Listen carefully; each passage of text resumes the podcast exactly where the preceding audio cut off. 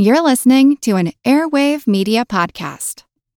Mom deserves the best, and there's no better place to shop for Mother's Day than Whole Foods Market. They're your destination for unbeatable savings, from premium gifts to show-stopping flowers and irresistible desserts. Start by saving 33% with Prime on all body care and candles. Then get a 15-stem bunch of tulips for just $9.99 each with Prime. Round out Mom's menu with festive rosé, irresistible berry chantilly cake, and more special treats. Come celebrate Mother's Day at Whole Foods Market.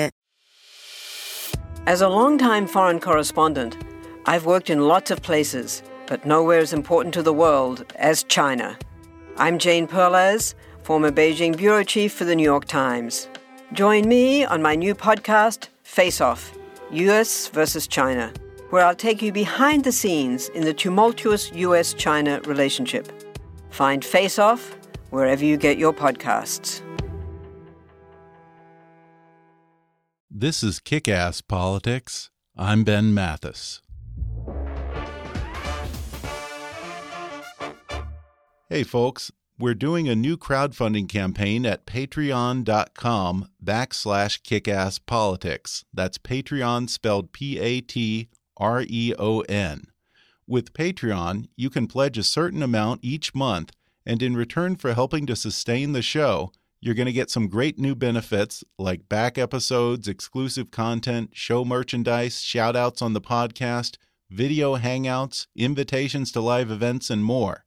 Again, go to patreon.com backslash kickasspolitics.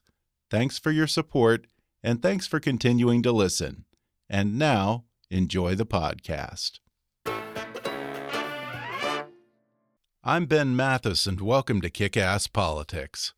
My guest today is a rising star in the Democratic Party, and he's likely to be on the short list of running mates for Hillary Clinton in 2016.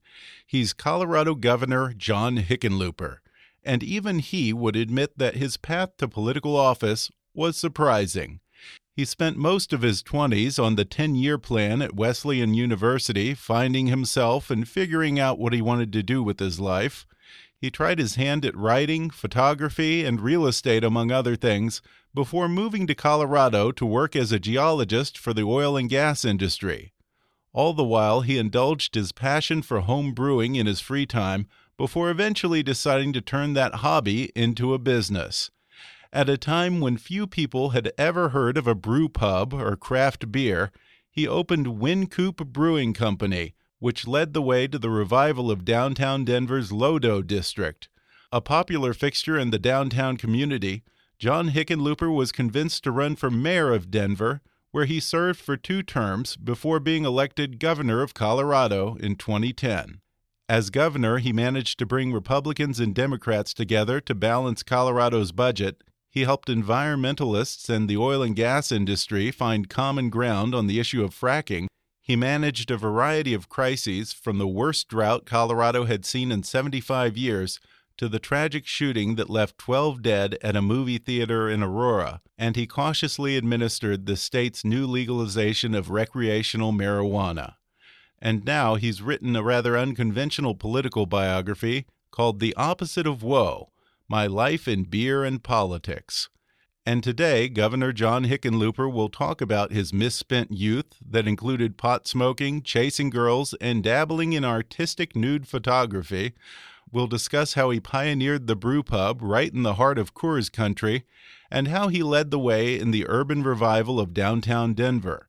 He'll talk about his initial opposition to Colorado's recreational marijuana law and how the rest of the country is now looking to his state as a test case on that issue. We'll talk about how he approached the controversial issue of fracking from the standpoint of a geologist and why on earth he once drank fracking fluid. Plus, we'll talk about being a potential running mate to Hillary Clinton, our mutual love of the short stories of Damon Runyon, what makes a good beer, and why he once took his mother to an X rated movie. Coming up with the interesting and unconventional Governor John Hickenlooper in just a moment.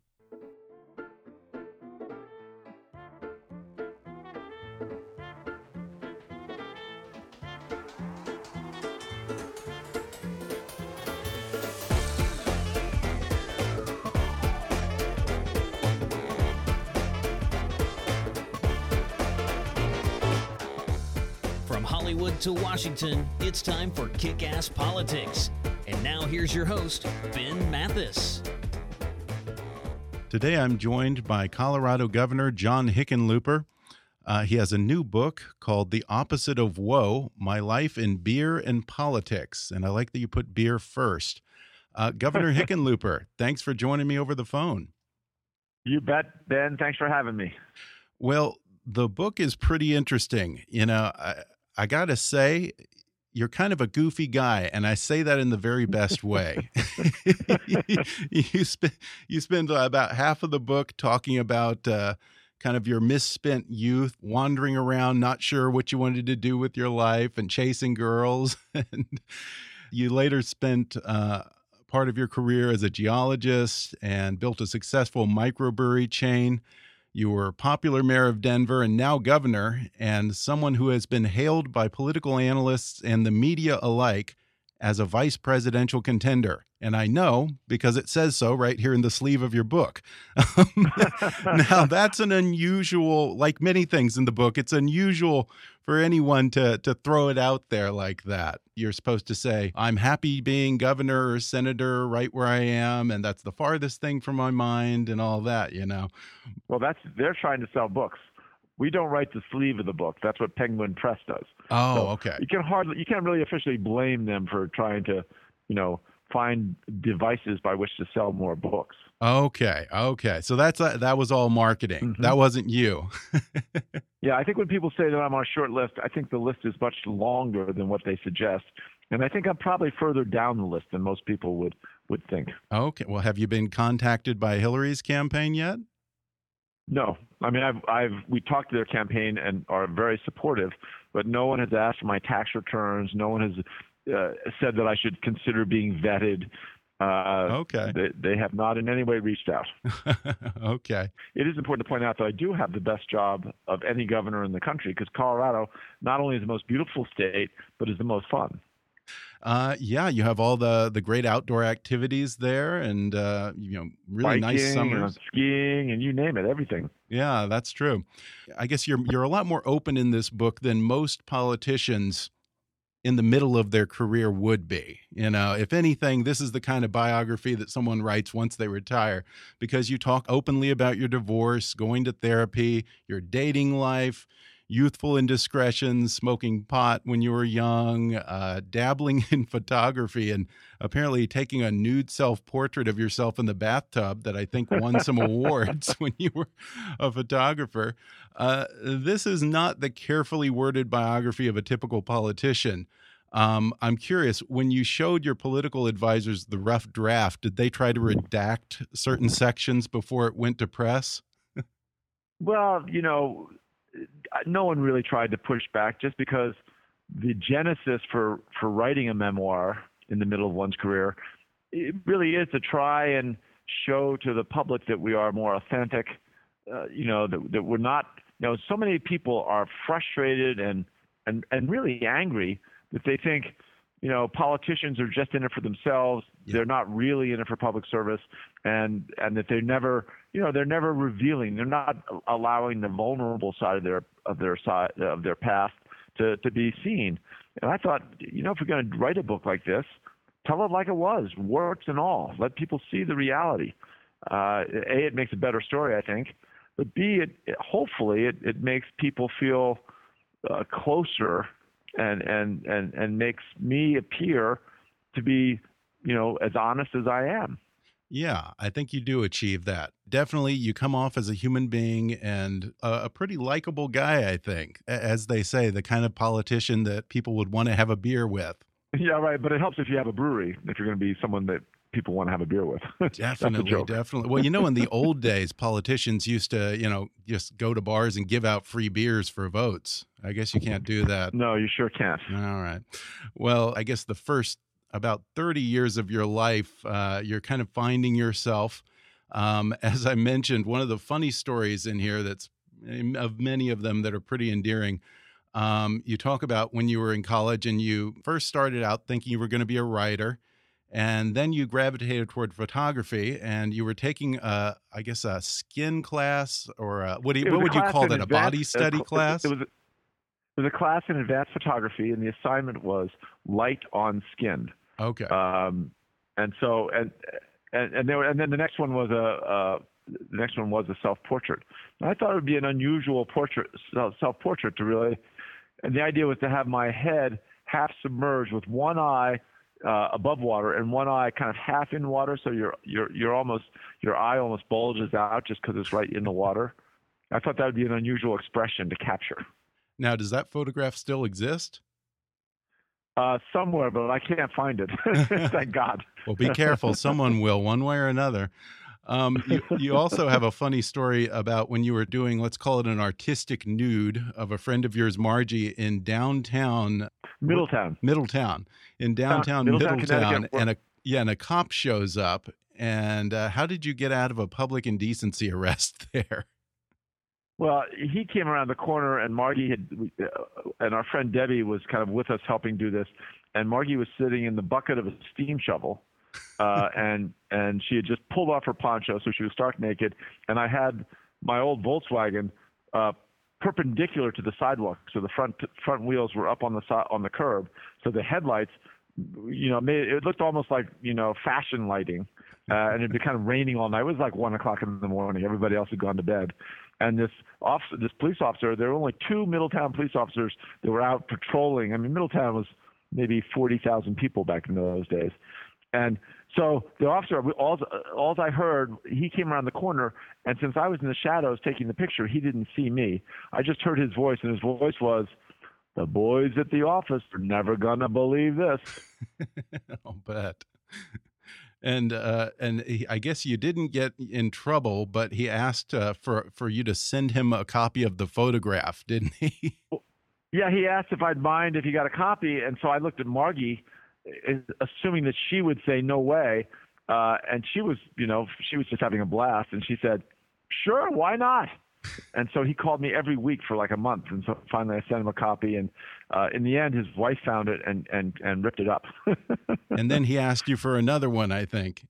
Exactly. What his next door neighbor, whose mother was best friends with his wife, uh, was in my photo class. So this young woman was uh, in Middletown High School, and she heard about the story from her mother because because Officer Labadillo's uh, wife found the photograph in the bottom of his sock drawer where he thought it would be safely hidden, and so she ripped it up.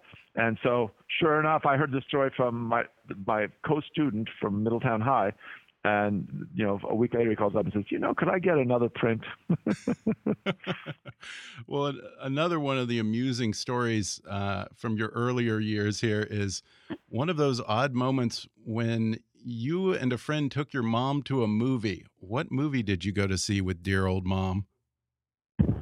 Well, you need context first. We'd just come home from, and this really does get to the opposite of woe, right? My my mother had been widowed twice and so my dad right. died. My my father was her second husband, and so he died when I was eight. So we all kind of grew up. She raised four of us by herself, and then when I went off to college, she was alone. And, and I don't think I really appreciate how lonely she was.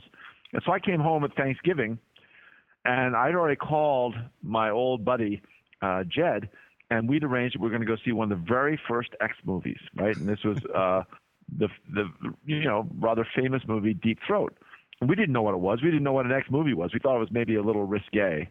But anyway, I got home and my mother had prepared this amazing dinner. And I said, uh, you know, I said, geez, I got to leave. I, I promised Jed I was going to go to a movie with him in, in an hour and a half.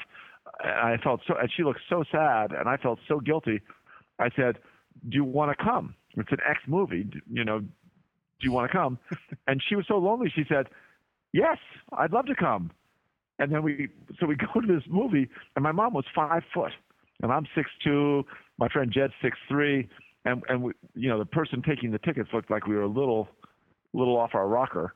And we walk in and we sit down, and the first scene is like really, I mean, it's pornographic, pornographic, it's raunchy.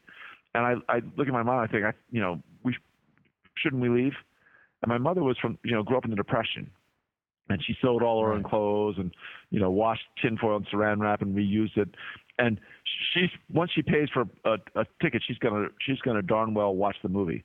And so I said, I think I think we should leave. And she goes, No, I'll be fine. And we watched the whole darn thing. What did she think of it? Two thumbs up or two thumbs down? as she said afterwards, she says, she says, well, I, I, I don't think the acting was very good, but the movie was very well made, right? she she would always try to find something nice to say about almost anything. Oh well, she, your mom sounds like a sweet gal. Um, you know, your twenties are kind of a, an extended rumspringa where you're uh, bouncing around, dabbling in different careers and considering different options and chasing girls. You know, I think that you give hope to young boys who go through that college period and maybe even beyond that, not knowing what they want to do with their life. Do you have any advice for them? Well, in a funny way, the the whole book is a call to action for for those of us that you know. I grew up with thick glasses and acne, and I was skinny, and I I thought I'd never get a girlfriend. I mean, that is the a lot of the first part of the book is just how frustrated and how hopeless I thought it all was. Yeah. And yet, most of us kind of we grow into ourselves at a certain point. Obviously, it took me longer than most, but I do think the book is kind of a call to action that, that nerds of the world unite. You too can get involved in, in issues that matter, and you can make a difference if you're willing to work hard and, and, and work well with other people. And I think that's, you know, whether you're talking about someone never finding a girlfriend or whether someone finding meaningful or finding meaning in their life, in, in a funny way, it's the same thing. In both cases, it's it is the opposite of woe. You know, the opposite of woe being to to giddy up. As a side note here, one thing that I found amusing in here, in the many hats that you wore in those first years, uh, you dabbled in writing and you were going to write a screenplay on the life of Damon Runyon, who I love. I've always been a huge oh, fan of him. And, and uh, you know, a few years back as a producer, I actually was developing uh, some of his short stories into a television series. So, big fan of Damon Runyon what a great idea to do that. You know, you should sell that. I, honest gosh, I think that's such a. I, my friend Jed and I, when he first moved out to Colorado in, I think it was 1986 or 87, we worked on a screenplay, and we have a, a you know long, you know, three way too long, 280 page, 300 page screenplay of the life of David Damon Runyon because he grew up in Pueblo, Colorado, and then kind of came of age uh, as a as a journalist and a, a, newspaper reporter in in Denver from maybe from right. uh, I didn't know that part. to 1930 and then he moved to New York and that's when he created all those Broadway characters that are immortalized in his short stories. Yeah. Uh, from guy, if the, people don't know it's the inspiration for Guys and Dolls. That's the musical Guys and Dolls is based off of all the short stories of Damon Runyon which were about Broadway and gangsters in the 20s and so forth. Yeah, yeah I, have always loved Damon Runyon. stories. Yeah, and, and uh, you know he he had his own language that he created, kind of colloquialisms, much like P.G. Wodehouse. You would have made a good character in there with a name like John Hickenlooper. I think that you probably would have fit right in with one of his short stories there. We're going to take a quick break, and then I'll be back with more with Colorado Governor John Hickenlooper. Back in just a moment.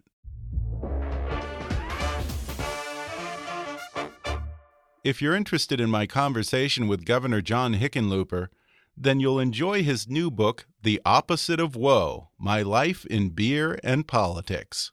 And right now, you can download the audio version of his book for free with a special promotion just for our listeners from audible.com. Just go to audibletrial.com backslash kickasspolitics for a free 30-day trial and a free audiobook download which can be the opposite of woe by my guest today, Governor John Hickenlooper, or any of Audible's 180,000 titles. That's audibletrial.com backslash kickasspolitics. Or click on the sponsor link on our webpage to download the free audio book of your choice. And now back to more with Colorado Governor John Hickenlooper. You eventually went on to become a geologist and to work in the oil and gas industry. And that wasn't quite for you, but you had been uh, doing microbrew kind of as a hobby for quite a while, and you decided to start your own brew pub. Um, what was that process like? Because you didn't have a business background. Yes, I had a I had a master's in geology, but I had never, you know, I had no real applicable business experience to speak of. And our company got sold. The price of oil collapsed in the mid 80s, and and the whole company, everyone got laid off. And so there were no jobs. I mean, every other oil company was laying people off like crazy, so nobody was hiring.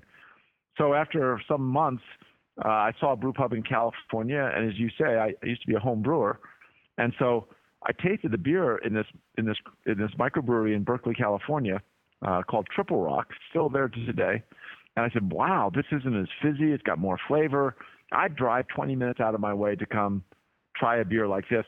And yet, I went back to Denver, and I still was look, thinking either I would maybe try to be a writer, uh, get that another chance, or I would go back and try and find a geology job. Uh, I didn't. I didn't take it seriously until some of my friends said, you know, you keep talking about this brew pub. You should run a brew pub. You'd be great at running a restaurant and fresh beer. You you know, you've always loved beer and you've been a brewer at home. Why not take a chance on it? And you know, after enough people said that to me, uh, it began to make sense. And you were really kind of ahead of your time. It must have been a tough sell because this was before the whole boom in microbreweries came. This was in the 80s, right? Yeah, this was we signed the lease in 1987 and we were the first brew pub in the Rocky Mountains. We were the fourth brewing license in the state of Colorado, and that was the people ahead of us were Coors. Budweiser had a license up in Fort Collins, and then the Boulder Brewing Company was the first uh, microbrewery in the state of Colorado. So we were the fourth, and I think at that time there were only about 80, 85 breweries in the entire United States of America. Now there are over 4,000. So it really was. I mean, it was something that I loved, and and you know, I never thought it was going to make me a lot of money. I just thought it was something that I wouldn't lose my money, but I, I might be able to earn a living, and that you know that it was something I could really throw myself into and, and really and really love. Yeah, and this was in Colorado, which was Coors country. Yeah, exactly. In those days, everyone was used to this kind of very light, very fizzy, you know, without a lot of hops, without a lot of flavor. Uh, this kind of you know, it was a fizzy, ice cold experience, but it really wasn't what we think of as beer in the craft beer movement. After that, you decided to run for mayor of Denver, and you were very successful in that role. Uh, you took part in the revival of Denver, which had been in decline. Uh, you, you really were involved in that both as a business leader and then as mayor. Um, right now, a lot of cities in decline, like, say, Detroit, are looking for that magic recipe for urban revival. What do you think the key is? Well, there are probably several keys. One important key is to make sure that that the community is willing to invest in itself and that that you have a, a culture of collaboration. One thing that's always defined the West, and especially uh, especially the Rocky Mountains, but especially Denver and Colorado, is you know we were settled by the wagon train, where everyone worked together, everyone had a defined role of what they did to make sure that that wagon train succeeded, and I think that's part of what that that collaborative instinct is part of what made uh, Colorado the success it is, and, and certainly when we were trying to change the economy of Denver, you know, we got a bunch of restaurateurs, and we were all in this old historic warehouse district called Lower Downtown. We started calling it Lodo. We started advertising together in the Denver Post. We started trying to define Lodo as a, a as a specific place where people could come, and no matter which of these six restaurants you went to, you'd have a good time and that that collaborative effort really has carried through. I mean, back then there were probably 25 or 30 restaurants downtown. Now there are over 300. But we also made dramatic investments in our infrastructure on a regional basis. So we built Coors Field downtown. We built the Pepsi Center downtown. Uh, we built Mile High, the Mile High Stadium, Invesco Field at Mile High, with with you know public tax dollars. And when we we needed we saw that we needed transit or else our, our highways were all clogged. We got all 34 mayors in the whole regional area to i mean two-thirds were republicans but all 34 unanimously supported a four-tenths of a cent sales tax increase so that we could build what was called FasTracks, but 119 miles of new track. I think that collaborative effort that we're all in this together and if we work hard enough together we're going to succeed you know, we're going to create a vision and a plan, and then we're going to work like like crazy to make it a reality. I mean, that's what every city that wants to turn itself around. That's what that's the most crucial ingredient I think is having everyone work together.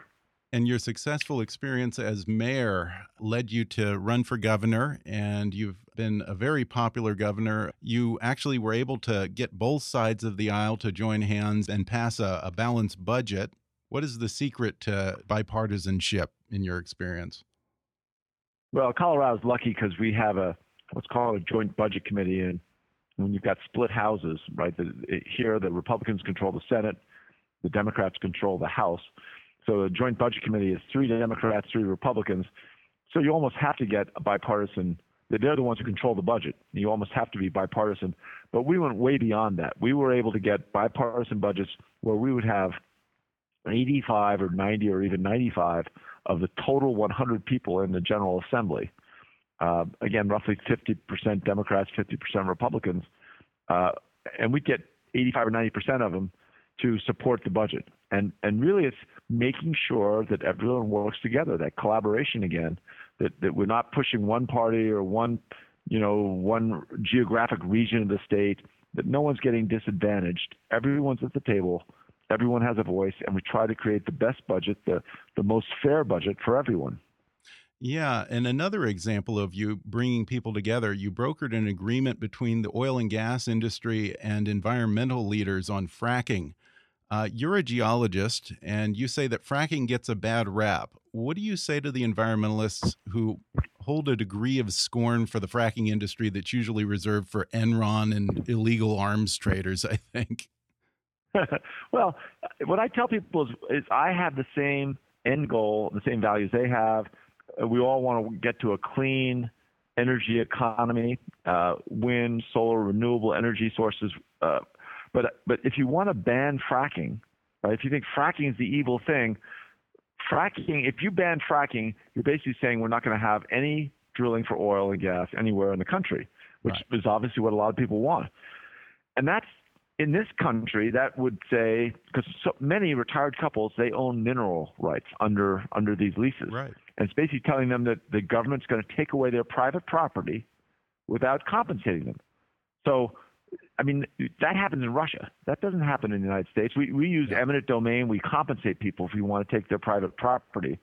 So what we've tried to do in Colorado is say, all right, you're entitled to your private property to access these minerals, but you have to do it in a safe environmentally friendly way. So we took the fines if someone spills frac fluid or crude oil in, on the ground or into the water.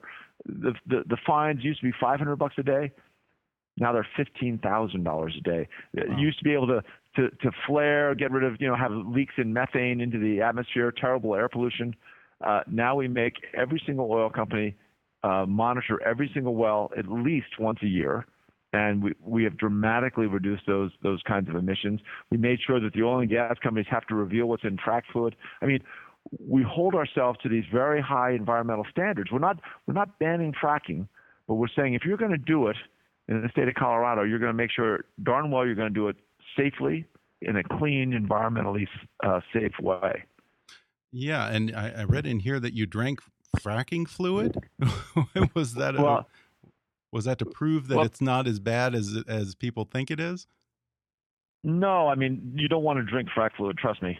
Uh, sure. This was we had the head of Halliburton, which is one of the big service companies that actually does the fracking, and I was trying to convince them that they should reveal not the exact formula, but just like Coca-Cola does on the bottle, that they needed to right. reveal the, the the basic ingredients uh, of what was in frac fluid because people were getting hysterical. They thought that the oil and gas industry was cheating them and was putting poison into the ground.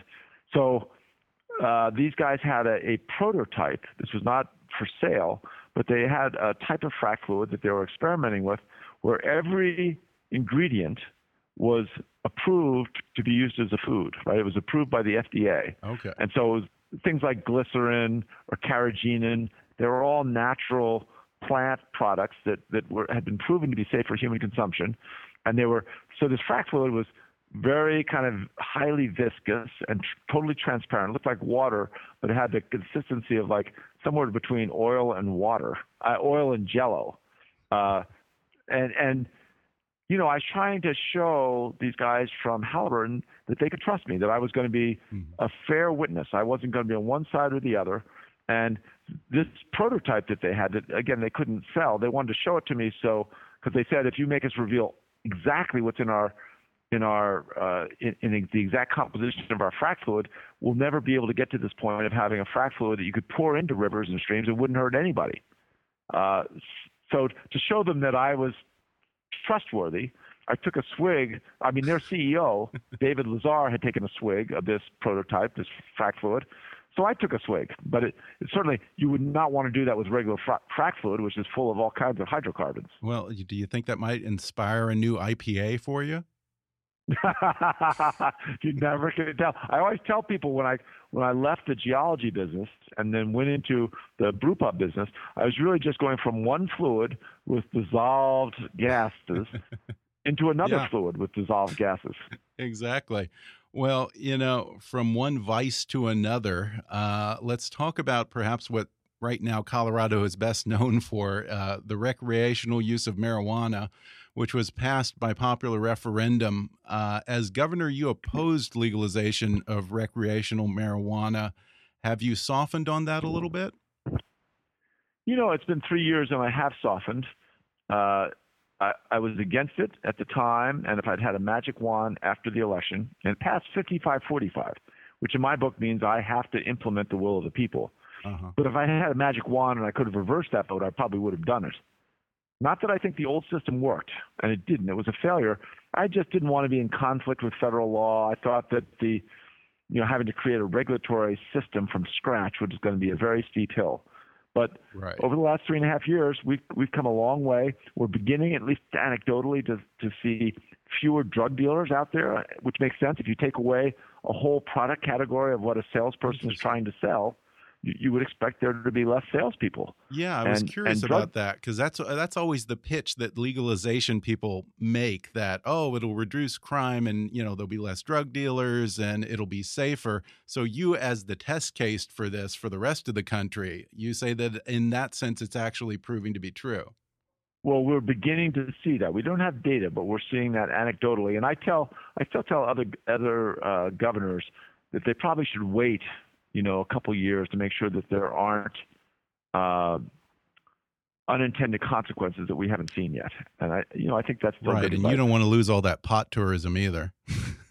I don't care about that. Trust me. That all the taxes, all the taxes put together uh, from recreational and medical marijuana is about 120 million dollars a year. Our budget's 27 billion dollars. So the tax revenues we're using just to make sure that we have mental health treatment for teenagers that do tripod and they it turns out that it makes them intensely bipolar even after they after they come down they still have medical uh, right. mental challenges yeah i mean there are all kinds of we know that there are medical medical repercussions and and we use the tax money to try and minimize those those uh, those secondary effects. We're not using it to expand early childhood education or fix potholes in the road uh, it's not. It shouldn't. No one should ever look at you know legalizing marijuana for for the revenue. It's. I mean, the the reason we passed. That's a good point. Uh, the reason we passed recreational marijuana is because for the last seven or eight years, all these young people, millennials, have been moving here in droves. I mean, that's there are more live music venues now in Denver than there are in Nashville or Austin. I mean, we've really? become this hotbed for. Oh yeah, and I went last night and saw this band called uh, the Lumineers. Amazing band. It, they played at Red Rocks, but they're a local Denver band. We have the Lumineers and Nathaniel Rateliff and the Night Sweats and the Fray and One Republic. All these Colorado bands in the last 10 years have kind of exploded just because of all the young people that are here. And those young people are the ones who they think marijuana is no different than whiskey. Why shouldn't right. we have it, you know, regulated the same way alcohol is? Right, right. But you know, but people are very dismissive of it. They say that there's no risk, there's no harm there, and you know, clearly you seem to be aware that particularly for young people there is a risk while their brains are developing and so forth. Um, you talk about Colorado as a microcosm of America at this particular moment in our history. What does Colorado tell us about the country as a whole? Well, Colorado is in many ways a true microcosm. It's one third Democrat, one third Republican, one third unaffiliated. And I think it's it, it is instructive to look at. I mean, we have the same anger in Colorado that you see all across the country. The anger that's supporting people like Bernie Sanders or or Donald Trump, people that have lost their jobs, or at least their their careers have been really impacted by technology and all these efficiencies and in, in the technology brings in imaging and, and big data. I mean, you know, look at how few bank tellers we have. How I mean, all these different industries have been dramatically reduced or eliminated, and that's probably going to keep happening. And we have to figure out right. how to retrain people much more rapidly. And I think that hopefully Colorado, we have the similar cross section and the similar problem of the rest of the country, but we're only five and a half million people, so we're hopeful that we can be kind of the, the, the, laboratory by which we find some solutions and figure out how do we retrain people rapidly so they can get onto a new career when technology eliminates their old one. Well, before we go, what makes a good beer? Because I don't know anything about beer. Uh, in terms of a good beer, you need great ingredients and you need to be very careful, make sure everything's clean. Uh, and again, a great beer is a function really of the character of the brewer, and that in many cases is, you know, great people make great beer. Is the way I've always said it, and that, and that really holds true in the brew pub and the microbrewery business. And maybe great presidents one day. You'll, we'll see about that. I don't trust me. I, am not looking to be president. Just so you're perfectly clear, okay. I am very happy to be okay. the first governor since since uh, you know if you Sam Adams was elected governor of, of Massachusetts in 1791.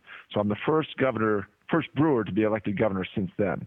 Well, that's fantastic. Well, I'm sure that you're, you know, if you got elected vice president or president, I'm pretty sure that your publisher wouldn't mind a second printing.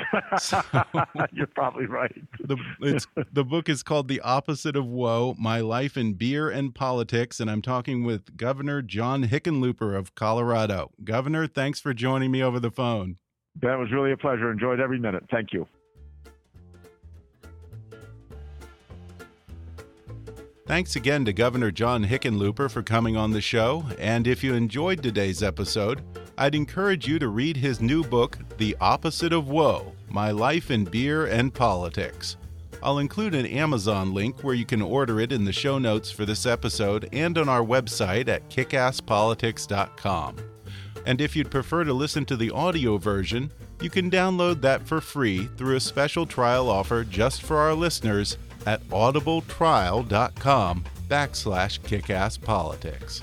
You can follow Governor Hickenlooper on Twitter at, at Hick4CO. That's H I C K F O R C O, as in Colorado. And if you're ever in Colorado, you can still go get a cold one at his original brew pub, Wynkoop, right in the heart of the Lodo district in downtown Denver. Please subscribe to Kickass Politics on iTunes and leave us a review while you're there. And you can also help us reach our fundraising goal for the year and get rewarded by donating to our Patreon campaign at patreon.com backslash kickasspolitics. Follow us on Twitter at, at KAPolitics or visit Kickass Politics on Facebook. And while you're there, recommend Kick Ass Politics to your friends on your social media. And as always, I welcome your comments, questions, and suggestions at comments at kickasspolitics.com. But for now, I'm Ben Mathis, and thanks for listening to Kick Ass Politics.